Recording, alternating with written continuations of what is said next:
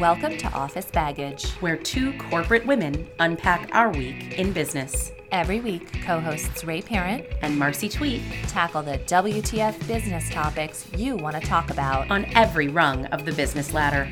Bring your baggage. We'll unpack it.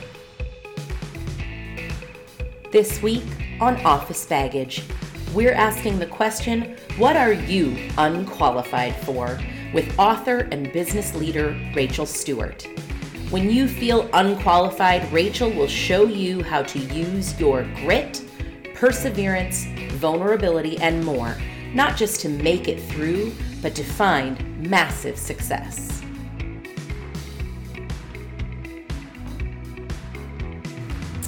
Hey, Ray. Hey, Marcy. Welcome back. So good to be back. How are you? I'm good. How are you? I am good. I feel like every time we record, I either have a glass of wine or a cup of coffee, and I'm on my third or fourth cup of coffee. I feel like I could fly. You're just hitting it. Yeah, I only did one cup of coffee this morning and a slice of cold pizza because you're a lady. and water. I am. Cold pizza in the morning. I love pizza cold more than I love it warm. I don't know who, who thinks that that's a bad idea, but Charlie thinks I'm nuts.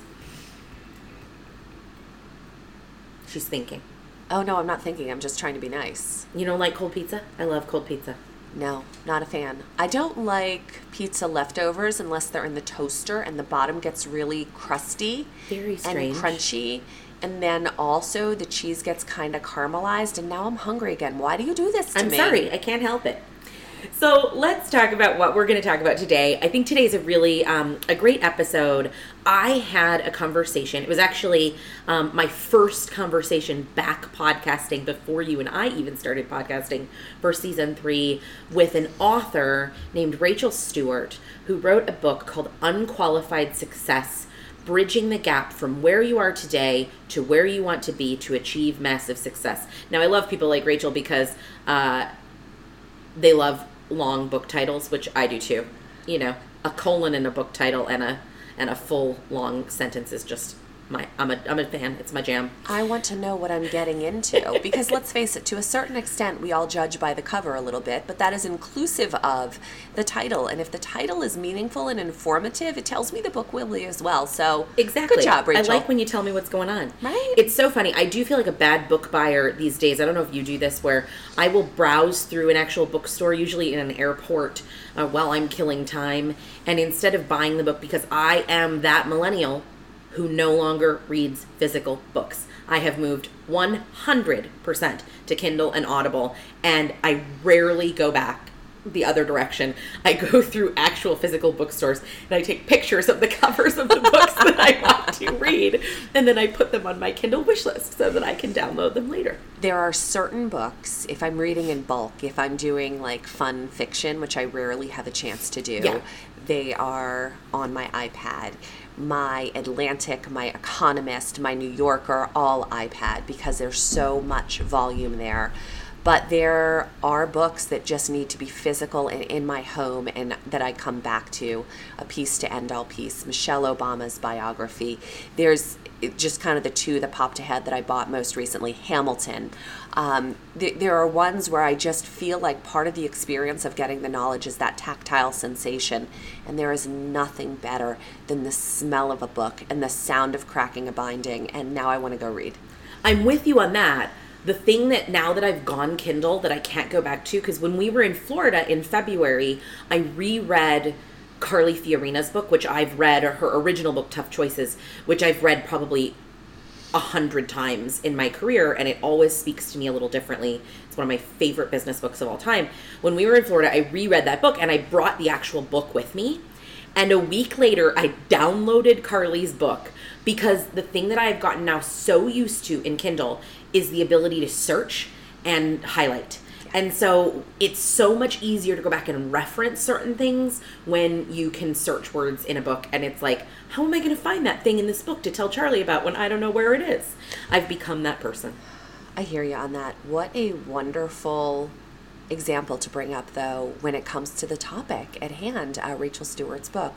You know, I know that people feel very different about Carly Fiorina politically. I, I, I certainly do have to draw a bit of a personal line there myself as well. But when you think about the kinds of experiences and the trajectory of this woman's career, very, very fascinating. It's a very, a really good topic. So, Rachel Stewart titled her book, and she and I talk about this in the interview, Unqualified. And it's kind of this riff on the idea that anytime we take on something new, something hard, something stretching us in our career, we are going to feel unqualified for it. And you and I were talking about this the other day because there's this, you know, old adage, right, that you need 10,000 hours to be an expert in something. And when you haven't had those 10,000 hours in something, you either you do you do one of two things. Either one, you don't try or you don't go there. You aren't willing to stretch. Or B, you fake it till you make it, man, and you learn and you keep putting those skills in place. But a lot of people thought Carly Fiorina was not qualified to be the CEO of HP. I think there are a lot less qualified people in a lot more senior roles than that. True and, story. Uh, yeah. See, see how I did that? Um, look, I have to wonder about the fake it till you make it thing because just the language associated with that feels like we're doing something dishonest. When the reality is, being able to add value from your place of experience while learning something new is a skill. Right. And so, someone like me, I've switched roles, switched jobs every 18 to 24 months for almost 23 years now. Because, not because I can't keep a job, but because the phone, I don't know, maybe, but because every 18 to 24 months the phone rings with a new stretch assignment, because I have a bit of a reputation for being able to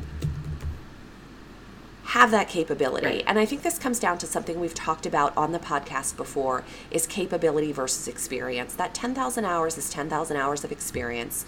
You have to get it somewhere. But I think we need to flip our internal dialogue a little bit and realize we've crested that hill into capability using our capabilities to mm-hmm. get to experience before. I think we need to tell ourselves that story a Right. little bit better. And I think we need to be able to advocate for ourselves with recruiters, hiring managers, etc. from that place of let me tell you some stories about how I've done this before. Right. And I think there's, for me, fake it till you make it is a fine line between I don't know, because there are points in your life where saying I don't know is really powerful, but it's a fine line between I don't know and let me find out.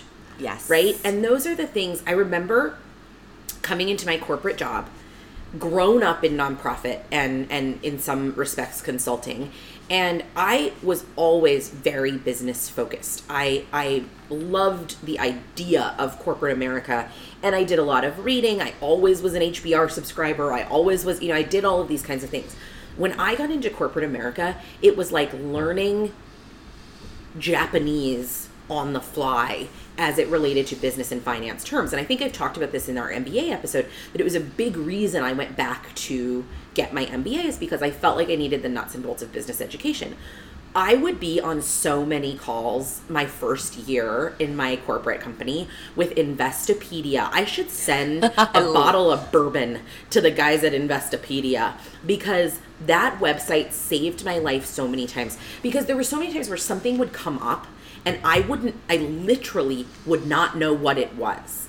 And fake it till you make it for me is not dishonesty because the quote unquote honest thing to do would be to say, I don't know what that is. But that's not the right thing to do, Right. right? The right thing to do is let me nod my head, nod my head, make a point about something else if someone's asking me for my, my opinion, do my very best, and then go research the hell out of this so that I never not know that again. Never Yeah. not, whatever that may, double negative. Um, I think it's just my personal sensitivity to the words fake it. Fake it. But I think we're saying very, very similar things. It's a different way to bring value. And I do think there's incredible value in maybe not being the person focused in on whether you know someone's talking about Macaulay duration and they mean effective duration and you're on Investopedia trying to figure out the difference versus having that very different perspective from a different background where you're trying to get at the root cause of what people are talking about Right. which was something I encountered a lot in the technology space and investments when I moved from consulting into industry. And you know, at the end of the day, what were they talking about? They weren't un- they weren't debating these two very complicated investment topics. What they were coming back to is we need a lexicon for what we call things because we all call them something different. Right. And so I'm sitting there saying to myself, well, gosh, can I not add any value because I don't know the technical differences versus what am I hearing these two people actually disagree over? And am I brave enough to put that on the table Right. From my place of somewhat ignorance relative to the technical domain? Yeah. But I agree with you. If you are sending them a bottle of bourbon, I will be sending them an Investopedia one as well because holy Jesus saved my bacon so many times. I know, so fantastic. Investopedia, love you. I still use them. I, I mean, I, I use them less than I used to, and for more complex searches. right? And to. tutorials too. We're not sponsored by them. Um, I We wanna- should be. I'm going to call them. Right. I'll send them that bottle of bourbon. Tell them they need to sponsor us. I want to come back to something you said because I think it's also critically important saying I don't know versus let me find out. And the topic of, particularly when you're in a stretch role, also figuring out when and how to be appropriately vulnerable. Right. It's so interesting. I talked about this with Rachel in our conversation because her book, Unqualified Success, talks about things like persistence and grit, but then she covers the topic of vulnerability. And this is one that is very, very difficult for me. Um, I am not good at being vulnerable. I am not good. Oh my God. Can you believe? Shocked. I had a conversation with with a friend of ours the other night where I cried, which is not easy for me to to jump in and do. And we were talking about some sensitive things and and you know, I kind of cried and I woke up the next morning and I said to my husband, I feel like crap. I don't know why I feel like crap. I only had X number of glasses of wine, I shouldn't feel hungover. And then it occurred to me I had a literal vulnerability hangover. Brene Brown talks about vulnerability hangovers, but I'm like, oh my God, I have a vulnerability hangover because that is just hard for me. It's incredibly difficult for me. Why do you think that is? Well, my therapist would tell no, I'm kidding. Um, What Enneagram type are you? uh, I am exactly the same seven and eight. I'm exactly the same two and three. Yeah. Oh, that's really funny. So, what are seven and eight? Um, seven and eight. Let's hold on. So, if you have not taken this, the Enneagram is this awesome, awesome personality test um, that I find is really more complex in a lot of ways than like MBTI or Kolbe or any of those. So, I am enthusiast and challenger. And I would say it's 50 50 when I see one of my favorite. Do you follow Enneagram and Coffee? Oh, yes. Enneagram and Coffee is by far my one of my favorite Instagram um, accounts. And the thing I look at them, and the ones that often resonate with me are eight more than more than seven. So, seven is the enthusiast, the busy, fun loving type, spontaneous, versatile, distractible, and scattered. Interesting. Eight is the challenger, which I see this more powerful, dominating type, self confident, decisive, willful, and confrontational. Yeah. Yeah. Um, Enneagram and Coffee does these things. Well, they'll do like a topic for each Enneagram type. The one that I laughed at recently was the flu. And I resonate very strongly with number eight, which said, I'm giving the flu two days to heal. so you're two and three. I'm two and three. Two is the helper, caring, interpersonal type, demonstrative, generous, people pleasing, and Yeah. possessive. Uh, and three, achiever, which I think we see in my work, success oriented, pragmatic, adaptive, excelling, driven, and image conscious. Yeah, you're the flu Enneagram type is, I'm just going to do a few emails from bed. Yeah, that's happened. the one that I laughed at meaningfully this summer was I sent it to one of my old team members, Beth. Um, it was Enneagram Your Boss. Here, I'll find it because it was it just made me laugh my butt off. Um, cut off my finding thing. Enneagram your boss. Mine was no worries, take a long lunch, no problem. Later that day, where's the report I needed from you? What do you mean you took a long lunch today? Later that day, who wants to leave early and go out for drinks the next morning? Why are you all behind on the work I need from you? I was like, oh, that's me in a boss type. We're like, let's go to the movies, but that doesn't mean you can't work. Like, come on now, people. Pretty sure email works in a movie theater. Enneagram number, let's see. No, your numbers two and three are please don't hesitate to come for me if you need anything at all to get started. That's sort of you. Yes. And number three is you have to start your morning the way you want to start your day. Have you read the four hour work week? That's a little you too. It's fun, but do the Enneagram. It's worth it. Um, but no, I think it's the challenger thing to go back to my like lack of vulnerability. I also think it's um, I'm gonna blame it on North Dakota and and my dad. It's just you know I was raised in a world and and in a family that is you know um, rub some dirt on it and get over it and move on. And I that's just I, I pride so much of my success in that feeling of being able to have this like constant grit and resistance and stick to itiveness but it's very very difficult for me to show show vulnerability and feelings to others. But I try. I try really hard it you know a bit of a journey for me particularly as i took on my last role in my former company as the cio because one would not be pressed to find a stronger technologist than i. And so in in executing that team turnaround and building trust needing to be vulnerable was a huge part of that because it it won't work to come into a room of 30 year technologists and pretend I know their jobs better than them so having really cool vulnerable conversations with them around here's what I can bring to the table but here's what I need you to bring to the table. And we need to set up a place where we can actively challenge each other safely and feel good about the work product that emerges from that room. And it was really challenging for me because I, you know, 20 plus years in male dominated industries, able to reach pretty senior positions at a relatively young age considering but a lot of that came from a place of strength and so completely flipping the script and admitting more of what I don't know and asking people to bring different things to the table was hard but the amount of traction that I get when I admit that I don't know.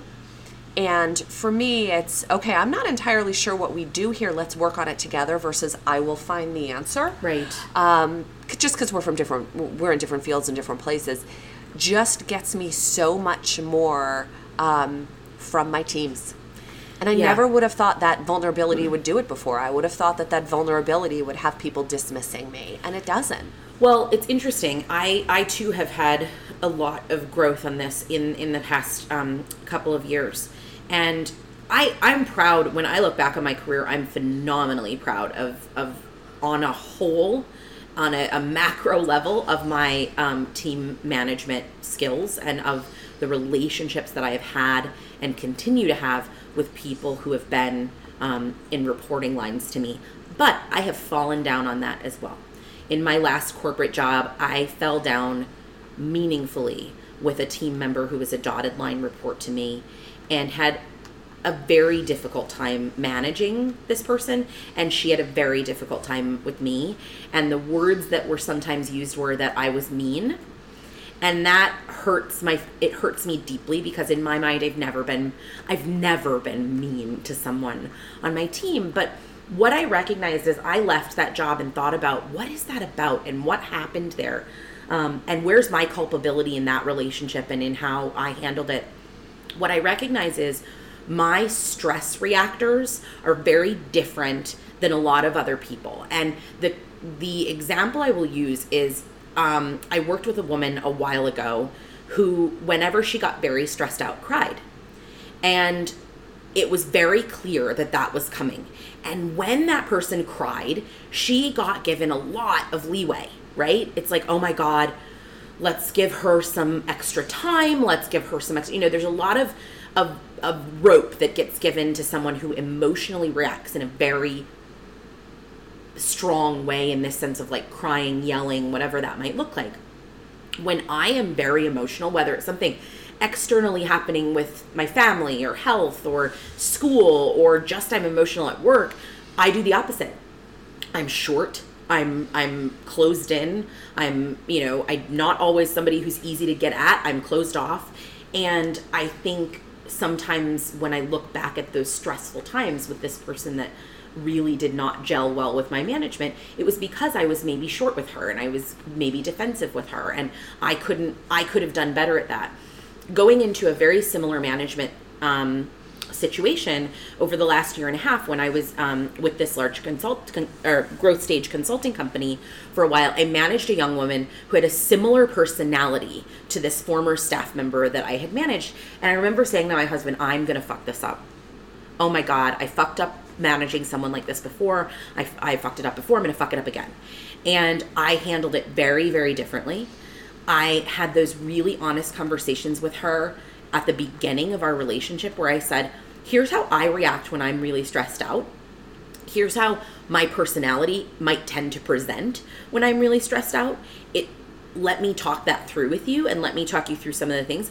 And during those times when I was really stressed out, for the first time ever, I was willing to say to my staff, here's what's going on in my sort of personal world and how hard that is. Um, I was in this company during a time when I lost a, a, dear friend who passed away. It was one of the most difficult times personally in my life. And I was very open to a point of vulnerability, but not oversharing about the struggles that I was dealing with. And now having left that position, and she actually left the position, and, and I um, was happy to help her in her job search, and she landed in a great job. I will take that relationship with me, and she she would say, I'm not putting words in her mouth, but she would say I was a fantastic boss for her. And it's that growth and learning and vulnerability that I, I didn't have two years ago. I'm really proud of.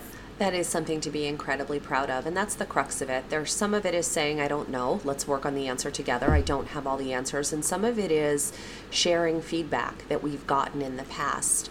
Uh, feedback is a gift, but sometimes it doesn't feel like it. And being able to say to peers or supervisors or people who work for you, hey, here's some feedback I've gotten in the past. I need you to be aware of where I'm coming from and I need you to help me on this that's not only wonderful from a vulnerability standpoint and helping people understand or giving them the toolkit to say, Marcy, are you stressed? Yes. Ray, do you need help with something? Because one of my things is I don't ask for help. Shocking, I know. Right. Um, but I think that's true of, of of a lot of people. But it makes it okay for them to then do the same thing. Mm-hmm. One of the things that I say all the time, I'm not sure if I've said it on the podcast, is a little bit of kabuki theater goes a long way. Yeah. Particularly as a new leader, I will oftentimes find someone I trust very much. In my last company, I had this already because I brought in someone who had worked with me before and I would say to him, Look, in this meeting, I need you to challenge me on something. I need you to give me some personal feedback relative to my effectiveness. Or after the meeting, but before everybody leaves, can you make sure you're giving me feedback on a point that I made? Because I need the team to see it's okay. Yeah. The degree to which that behavior and role modeling puts down roots and changes the operating norms of a team versus sitting in a room and talking how the team wants to operate, there's no comparison. Right.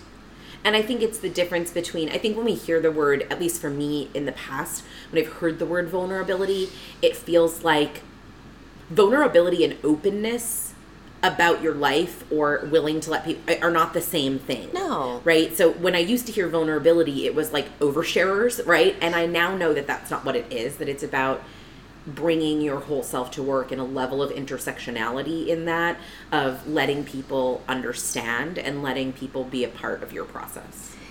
So i think this adds a lot to the conversation that, that i had with rachel as well and hopefully um, all of our listeners will appreciate that and, and, and perhaps take something away from, from us learning to be more vulnerable um, and, and from rachel's book uh, encouraging us all to be more vulnerable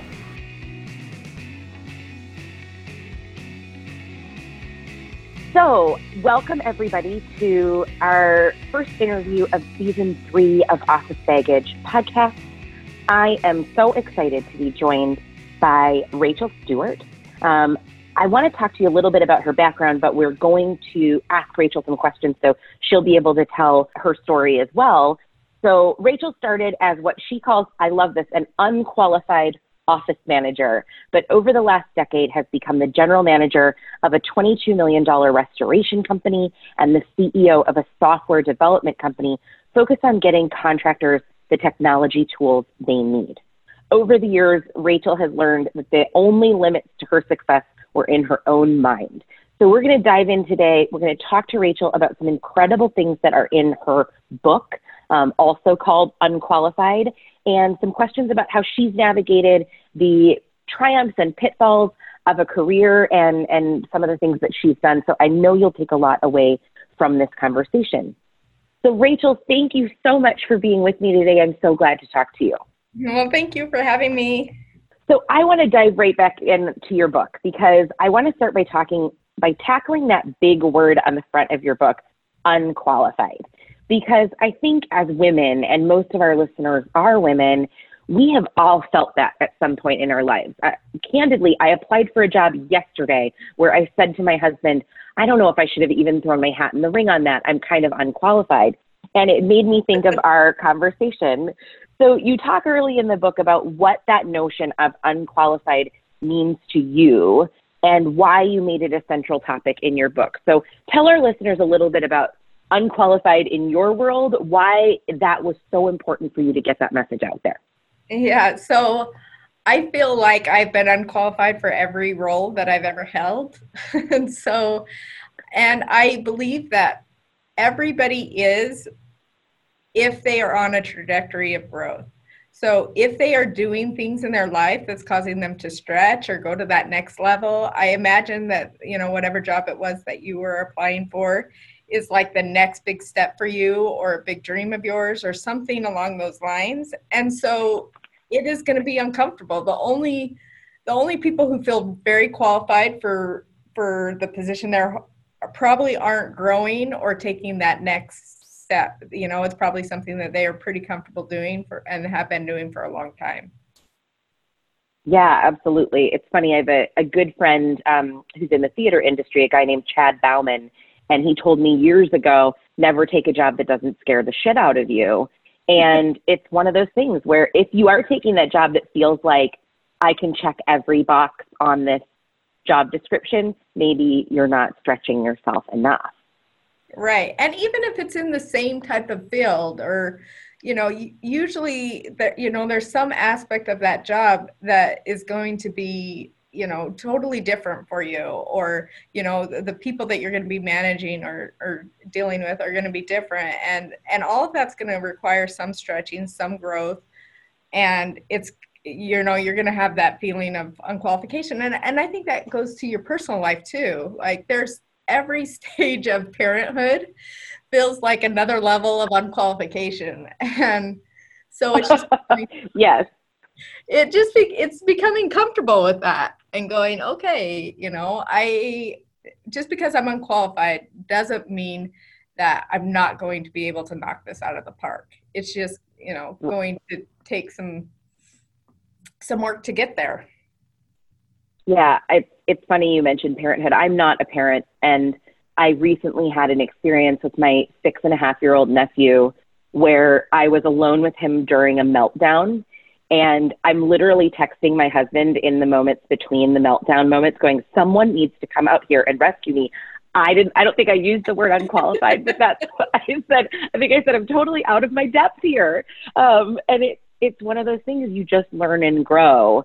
How have you taken, as we talk about this balance, we talk a lot, um, Rachel, my, my podcast co-host who couldn't be here for this interview is, is a mom. And we talk a lot about the balance of, of work and life and, and figuring out that, that piece of, of your pie. How do you take that kind of notion of, I feel unqualified, but I'm going to tackle it both in career and in parenting when you come up against that? What, do, what are the things that you tell yourself in your mind to get yourself over that feeling of unqualification? Yeah, so you know like so I, i'll give i'll share a personal experience. So my daughter recently turned 16 and Ooh. so we uh, started the wonderful process of teaching her to drive about a year ago. And you know that's a whole other level of fear and unqualification. And like i think at one point in our driving i said out loud oh my gosh we're gonna die so i don't think that was the thing that she was like mom this is really helpful you know and it took uh, took us a little bit of time to get back out on the road um, so I mean, you just encounter them at every turn. You know, you think you have something under your belt, and then then it hits you again. And um, and every child is unique. Even if you're like, oh, I I, I figured this all out, and then another child comes along, and you're like, oh, nope, different personality. This. so I think it's just Absolutely. being open to um, knowing that you don't have it all figured out and being open to learning a lot as you go. And i find a lot of value in community and figure you know talking to others who have, have experienced maybe the challenges that you have um, figuring out how. And the other thing is i don't think there's one right answer. I will say that. Like i think you know there's a lot of different ways that you can find success and and figuring out what works for you and your family or you in your career Absolutely. So it's interesting. In your book, you talk a lot about grit and persistence and and certainly all of our, our listeners should should grab the book and, and read that. But I found it really interesting the point where the book took a turn for me and I, you know all the grit and persistence stuff really resonates with me. I'm super competitive. I know how to kind of, you know, get through those things is then you do a full chapter on vulnerability. And this just came up for me as you were talking about your daughter, because two of the things you talk about in that chapter are relaxing your grip and being able to kind of put your hands up and step away from the goal.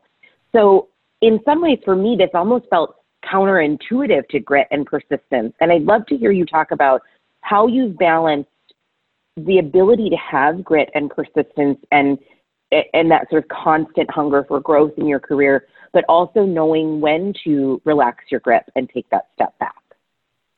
Yeah. So I think vulnerability is a lot about ha- knowing that you don't know it all and being okay with that. So, you know, when I talk about, you know, relaxing your grip, a lot of times we have this idea of how things should go in our head or how our careers should go and all of the things that should be happening.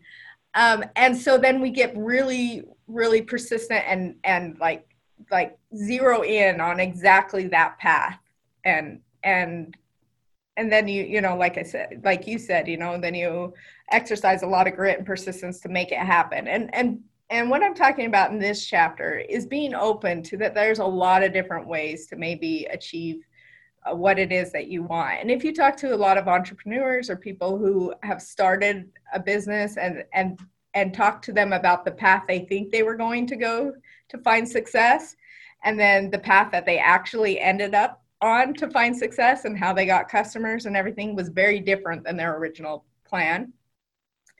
And so being vulnerable and taking your relaxing your grip is just relaxing your dependence upon a certain goal or outcome.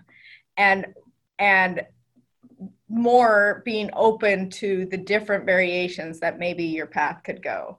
And open to learning and development. And as you learn things to be open to shifting and so that doesn't mean that you stop taking ma- massive action. It doesn't mean that you stop um, really you know employing grit a lot and persistence and sticking with it. It just means that you're open to to learn to learning to growth to knowing you don't know it all to relying on your team to being vulnerable with them and being able to say hey i don't know all the answers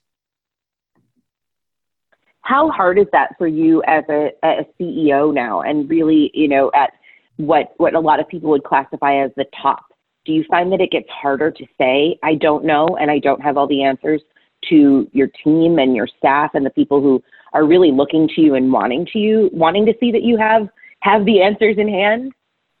You know what? So I think it's actually become easier in my career bec- as I've become exposed to great leaders.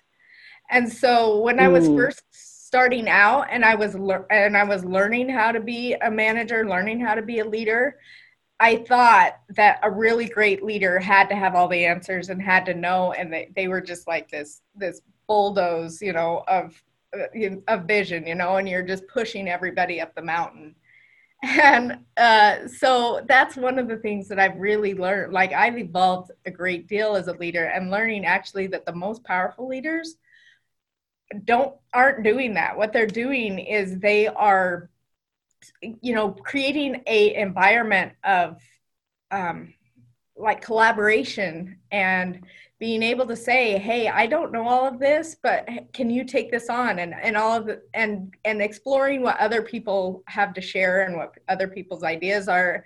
And then that's where you create really powerful synergy. That's where you get more engagement like somebody doesn't want to be a part of somebody else's vision. They want to be a part of something that they built that they grew that they have like you know their footprint on or fingerprint whatever uh, you know absolutely. and so i think really good leaders actually show more vulnerability when they don't know rather than less. Yeah absolutely it's interesting you as you were talking it it brought up another piece of your book for me and one of my favorite things in in reading in general is reading the dedications to people's book and you thank your husband Kent for his love and support. And the quote you put is, as you spent the last decade climbing my Everest. And I think what you just said is so interesting because when I think of the notion of climbing Everest, it feels in the photo uh, as an individual task. But the truth is, anybody who's done something like that has done it with a massive team around them. Um, so I'd love to hear about your journey. When you talk about climbing my Everest, what has this past decade and that quote Everest climb looked like for you and what's been the trajectory of your career over the past 10 years kind of give our our listeners a bit into the the climb if you will yeah so anybody who knows me really well knows that i have an obsession with everest. So i'm really happy that you asked me about this. So do you legit want to do like you want to go do it someday? No i don't i at, at one okay. point in my life i really wanted to do it and um, anyway, I think I'm, maybe past that. I mean, for one, I have a very sensitive, sense, big sensitivity to cold, and I've, maybe that's the years that I've been in Arizona. So, anyway, I, I mean, I'm sure it's you know you could adapt, but um, what what I find fascinating about Everest is that I feel like it's a pressure cooker for the human experience.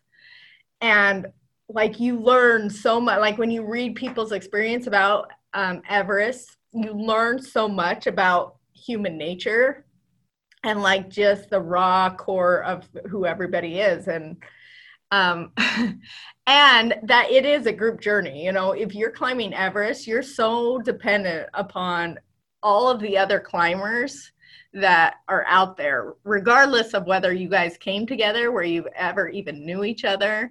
There's so much that their actions impact like the whole experience. And so when you hear about these tragedies that happen on everest a lot of sometimes yeah. a lot of it doesn't even have to do with like the actual choices that maybe that climber made but the choices that maybe another climber made. So i, I just find the whole thing really really fascinating. But um, it, as far as my own experience what i've found is that you know, as I've explored my career, there has been had to be so many things that I've had to learn and overcome, and challenges that I've had had to um, face. That it's just been it feels like just one slog after the other, you know. And then you look back and and you can see like the distance that you've come like and there's so many times where you're just like why, why am i out here? Like why am i up on this ridge freezing when i could be you know in my home drinking hot chocolate with my family you know? Yes. And so you have to be very committed to where it is that you're going. And um and then again like having the support and the love and the you know like so many times i'd come home after after a rough day or whatever and, and be talking about like and just having having my husband there to listen and go you've got this you know like you'll figure it out yeah absolutely you know So it's interesting. So have you read or have you heard her TED talk? This woman, Alison Levine. She wrote the book On the Edge. So it's fantastic. You'll love it, and re- I'll recommend it to our readers as well. So she was the leader of the first all-female Everest trek um, from the U.S. And they got within. I'm going to get this wrong. I'll put it in the show notes. They got within 200 yards of the summit and had to turn back oh. because they knew. And she talks about that making that decision that so many people wanted to press through, and she was the leader, and she had to say, "No, we turn back because the uh, you know the alternative is potentially people die." If right. we go all the way and we can't get everybody back down safely. And she talked about having this, what looked like a huge failure and how do you go past that and how do you it's a fantastic book and she's a great she has a ted talk it's Alison Levine and she has a ted talk and a book called on the edge and highly recommend so if you're i'm as everest i'm i'm like always about everest. Every movie that comes out every book that's written. Um, but i like you am, am kind of like no i'm never going to do it. I'm going to watch everybody else do it. Right. Well you know i think a lot of it has to do with family situation too you know just like what you you would be willing to risk because every time you get out there you know that there's there's a possibility that you you don't come back from that but what's so interesting about that and what you're talking about is you know the people who climb everest they have so much grit they have so much in their in their um, makeup that tells them not to quit, not to turn back, to keep going when things get hard. And so then they get in these situations where they have these two battling instincts, you know, the one to keep driving and to keep going and to push through obstacles, and the other that has to say, like, this is really dangerous and there's a good chance we won't come, you know, and and so trying to balance those two really right. strong sides of yourself. And so um it's so fascinating. Absolutely. So I want to go back to something because you you mentioned this, and I think it's such a, a, an interesting topic in your book is the idea of passive versus massive action um, that really jumped off the page for me. And the thing, I, the question I had for you is, first of all, tell tell us about what you consider passive versus massive action, and then the second thing I wonder is for those of us who are in that place where we want to take massive action in our careers, how do you recognize the difference between massive action and action that might lead to burnout? So I realize those are two really different questions, but tell us about passive versus massive action. And then I'd love to hear how you make sure that it's not too massive in your life, balancing what's every everything that you're you're keeping in the air. Yeah. So I think massive action is something that's going to create big results and probably requires a, a great deal of courage and overcoming fear um, and being, you know, and dealing with failure because, you know, those come hand in hand. So I guess the way that I would I would say it's the difference between like passively sitting behind your computer and, and posting on social media like to promote your business or something like that versus mm-hmm. getting out there and face to face in front of like those big whales or those big contacts and putting yourself in a place where some of these great things can happen. There's a lot more fear involved in it. There's a lot more, you know, like risk of failure than you know being safe behind a computer and a, a lot of times we'll spend a lot of our time doing things that we think are going to take us to that goal but it's it's these passive very small um, actions whereas if we would devote that same time to doing something a little bit more brave putting ourselves out there a little bit more risking failure uh, we would we would probably have a lot better results yeah, talk to me a little bit about how you've done that in in your current role leading the business that you're in now. What do you do? What's something you've done in the last few months even that that is massive versus passive?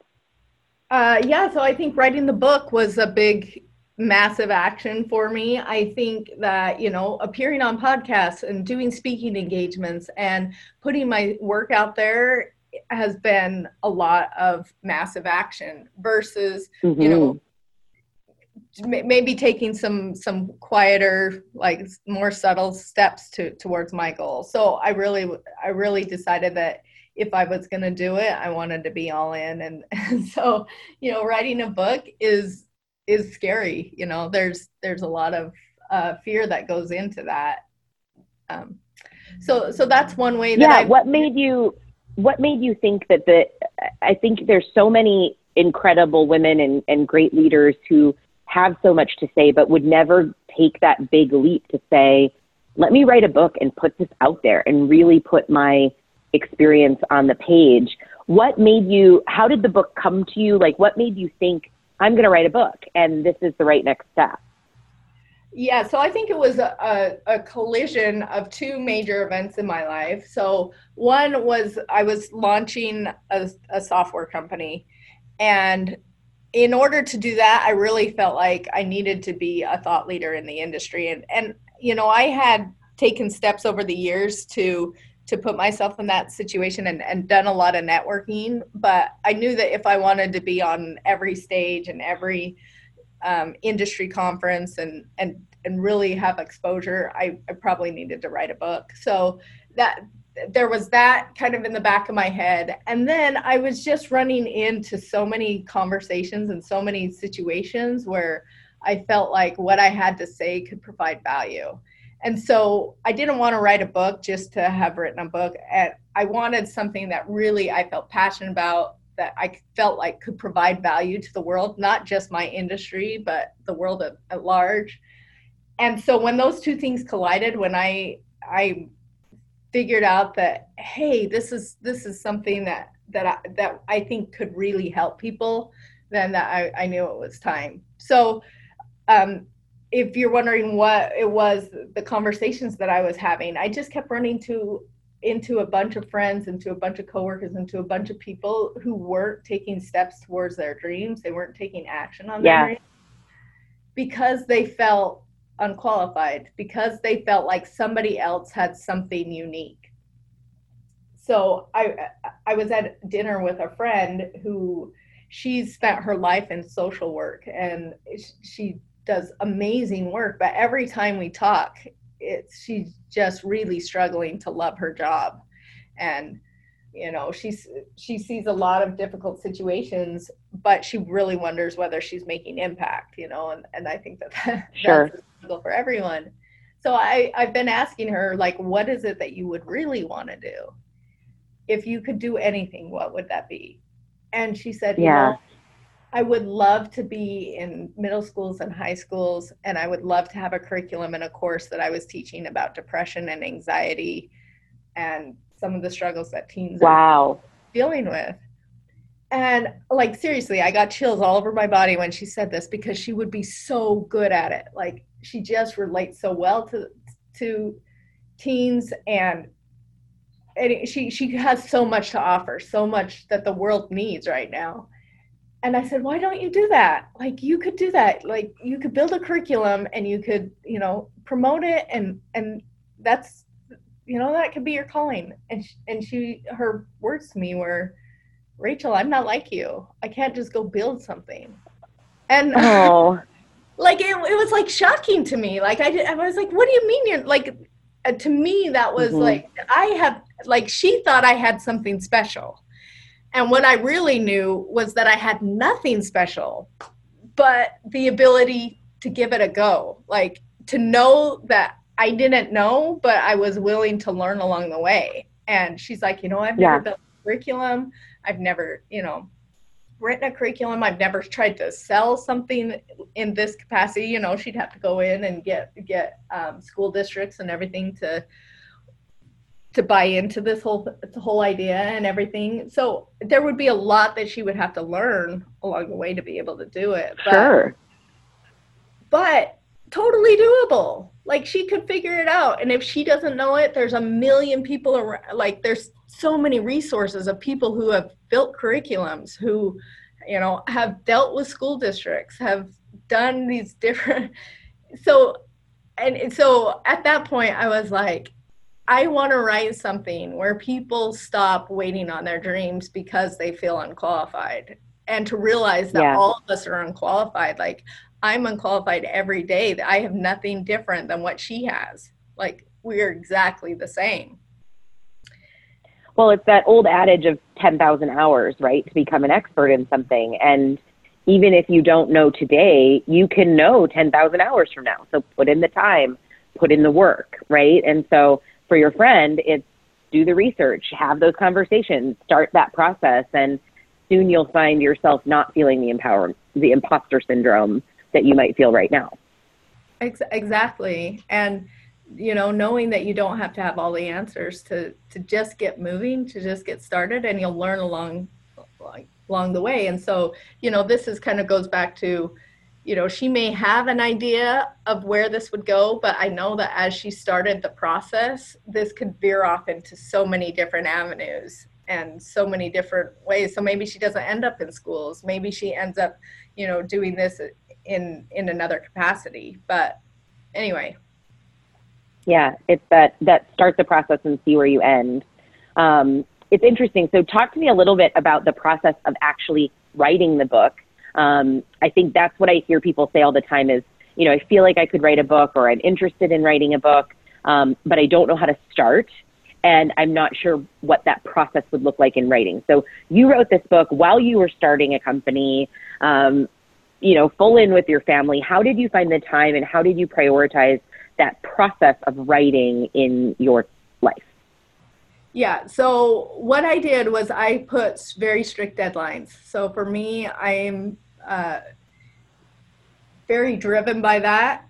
And so mm-hmm. so I knew that I wanted to have my first draft done in three months and I wanted the book published in six. So um, I was very strict about my deadlines and making sure that I just had to like map it out and make sure that I was on track to to hit these these mini deadlines in the process of this big deadline. So um, otherwise we can sit and think and think and think and, and germinate and and what I find is that when you have those clear deadlines, it isn't as rushed as you feel like it is. You you might be like, well, if I give myself a deadline, then I'm going to produce really crappy work because it's going to be forced and it's going to be just to, to check a box. But I, I, didn't find that for myself. I found that really what it did was required a lot of focused attention and getting something done quickly versus doing the same thing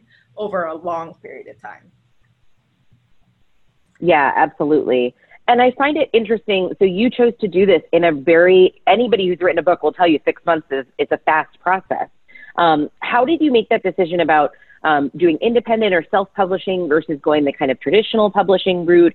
What were your goals and and motivations in the path you chose for the publication?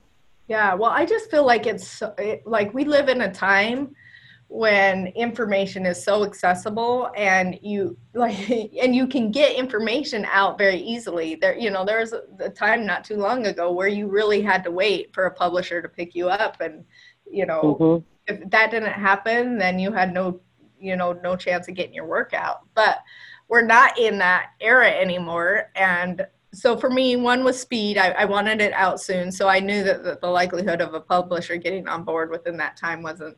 And as I was doing research, I was finding that, um, you know, self publishing is a really viable option for, for most people. And a publisher will only really put advertising dollars and a lot of marketing dollars behind people who already have a name, who already have a following. Exactly. And so for me, that I didn't fall into that category. So there was really no benefit. Like they would take a lot more of my proceeds, and um, whereas if I just you know self-publish and and do all that, then I get to keep more of book sales and also it gets out there sooner. And either way, I was going to have to really promote the book myself anyway. So for me, that was, you know, pretty clear cut. But I did do some research. Yeah. Try to figure out what. Yeah. I, when I wrote my book back in 2012, um, I went the direction of using a company. And just in the last six months, um, the company that, that I had worked with to publish my book um, was sold, and they were sold to a publication, a publisher that I did not agree with the values of. And so I pulled my book off that platform and republished on Kindle in the last six months. And it was so easy. I thought to myself, my God, why didn't I do this the first time? this was so simple. It just, I couldn't believe it. So I feel like there's been such a change in the world of publishing and what can be done. So I'm just, I, I'm in awe of you and I applaud you for recognizing that you wanted to do it quick and get it out there and really start meeting your goals on it. And, and I think the other thing is to not necessarily be stuck to like, oh, I have to be behind a computer to do this. So my fir- very first chapter was written in my bed on my phone using the notepad because that's when inspiration hit me. Like I had kind of said, okay, yeah. I, I want these chapters in my book and I hadn't come up with a name yet. I didn't really know the direction, but I was like, you know, I want to talk about mindset. I want to talk about grit. I want to talk about fear, but I don't know necessarily how they're all going to come together and what what the mess like overarching message is going to be. Anyway, so I was laying in bed yeah. and inspiration struck, so I grabbed my phone and just opened the notepad and started uh, you know, texting away on that and you know before you know it i had like the the very rough beginnings of my very first chapter. And yeah. so i think that works really well. I you know if you have a program like otter ai or, or some voice recorder and you're on a walk and you know inspiration strikes just start dictating you know into a voice recorder and then you can come back and so I, I think there's a lot of different ways that that you can make things happen. You don't just have to like be behind your computer in a in a yeah. so it's been about six months right that the book's been out. Um, what's been the most surprising or exciting product of of having a book out there? What what's been been great and and what's been challenging? So i think the best thing is just the people that i've learned uh, or came to oh my goodness. Let's start over there I think the, yeah. I think the most surprising and rewarding thing has been the people that I've met and the conversations that I've been able to have. Like prior to this, I probably wouldn't have appeared on your podcast, but now we get to have this amazing conversation about things that we're both passionate about. And I just got a recommendation for a really great book. And so those connections have been really rewarding, lots of fun. Um, I think yeah. the you know the notoriety that I've gained in my profession has been like surprising. So I know mm-hmm. that that's why people write books a lot of times, but I you know I thought maybe it was going to be a slower build to that. So that so that's been really great. That's great. Um, so you have felt that that positivity in your business of people being really receptive of the book. Yes, yes, and, a lot of support. So, yeah, you know, I mean, there's struggles to it as well. You know, there's it takes a lot of work and a lot of energy and expense to promote a book, and you don't yeah. necessarily see financial returns from it. Um, but that that was never really my intent. So unless you're one of the very few people that their book, you know, sells a million copies, which you know always, that is the big hope of mine um, but I always years years later I always call my book my coffee fund because it's like I get a little money here and there from it. and It buys me some Starbucks every every few weeks. So it's you know that kind of thing. It's a little coffee fund. But that's yep. I'm I'm six years out, seven almost seven years out from when when my book came out, and I don't do much promotion with it anymore. So you're right at the beginning, and it's such a fun process. Yeah, you know, they say the average author sells a thousand copies in their lifetime. And so, you know, for, for most authors, it's more about the experience of it. And I absolutely would recommend it to everybody. It's been such a growth opportunity for me. And it's it's been really rewarding that way. That's amazing. So I always like to ask authors because I feel like if you're writing a book, you're probably reading a lot of books. What have been some of the books that have been formative for you in your career? If you were giving advice to women, what would you tell them to read? So I think that um, it just depends upon, like, there have been so many books that have been in, really um, impactful in my career because they came at the right time when I needed that that sure information. So you know, some of those was um, you know, Verne is scaling up. We implemented scaling up in our company, and that that was huge, hugely impactful. Um, another one I would say is Who by Geoffrey Smart and Randy Street. They um, they talk about hiring and and being able to really recruit and and do a lot of those things. And so at points in my business where we really needed great talent and stuff, that was really impactful.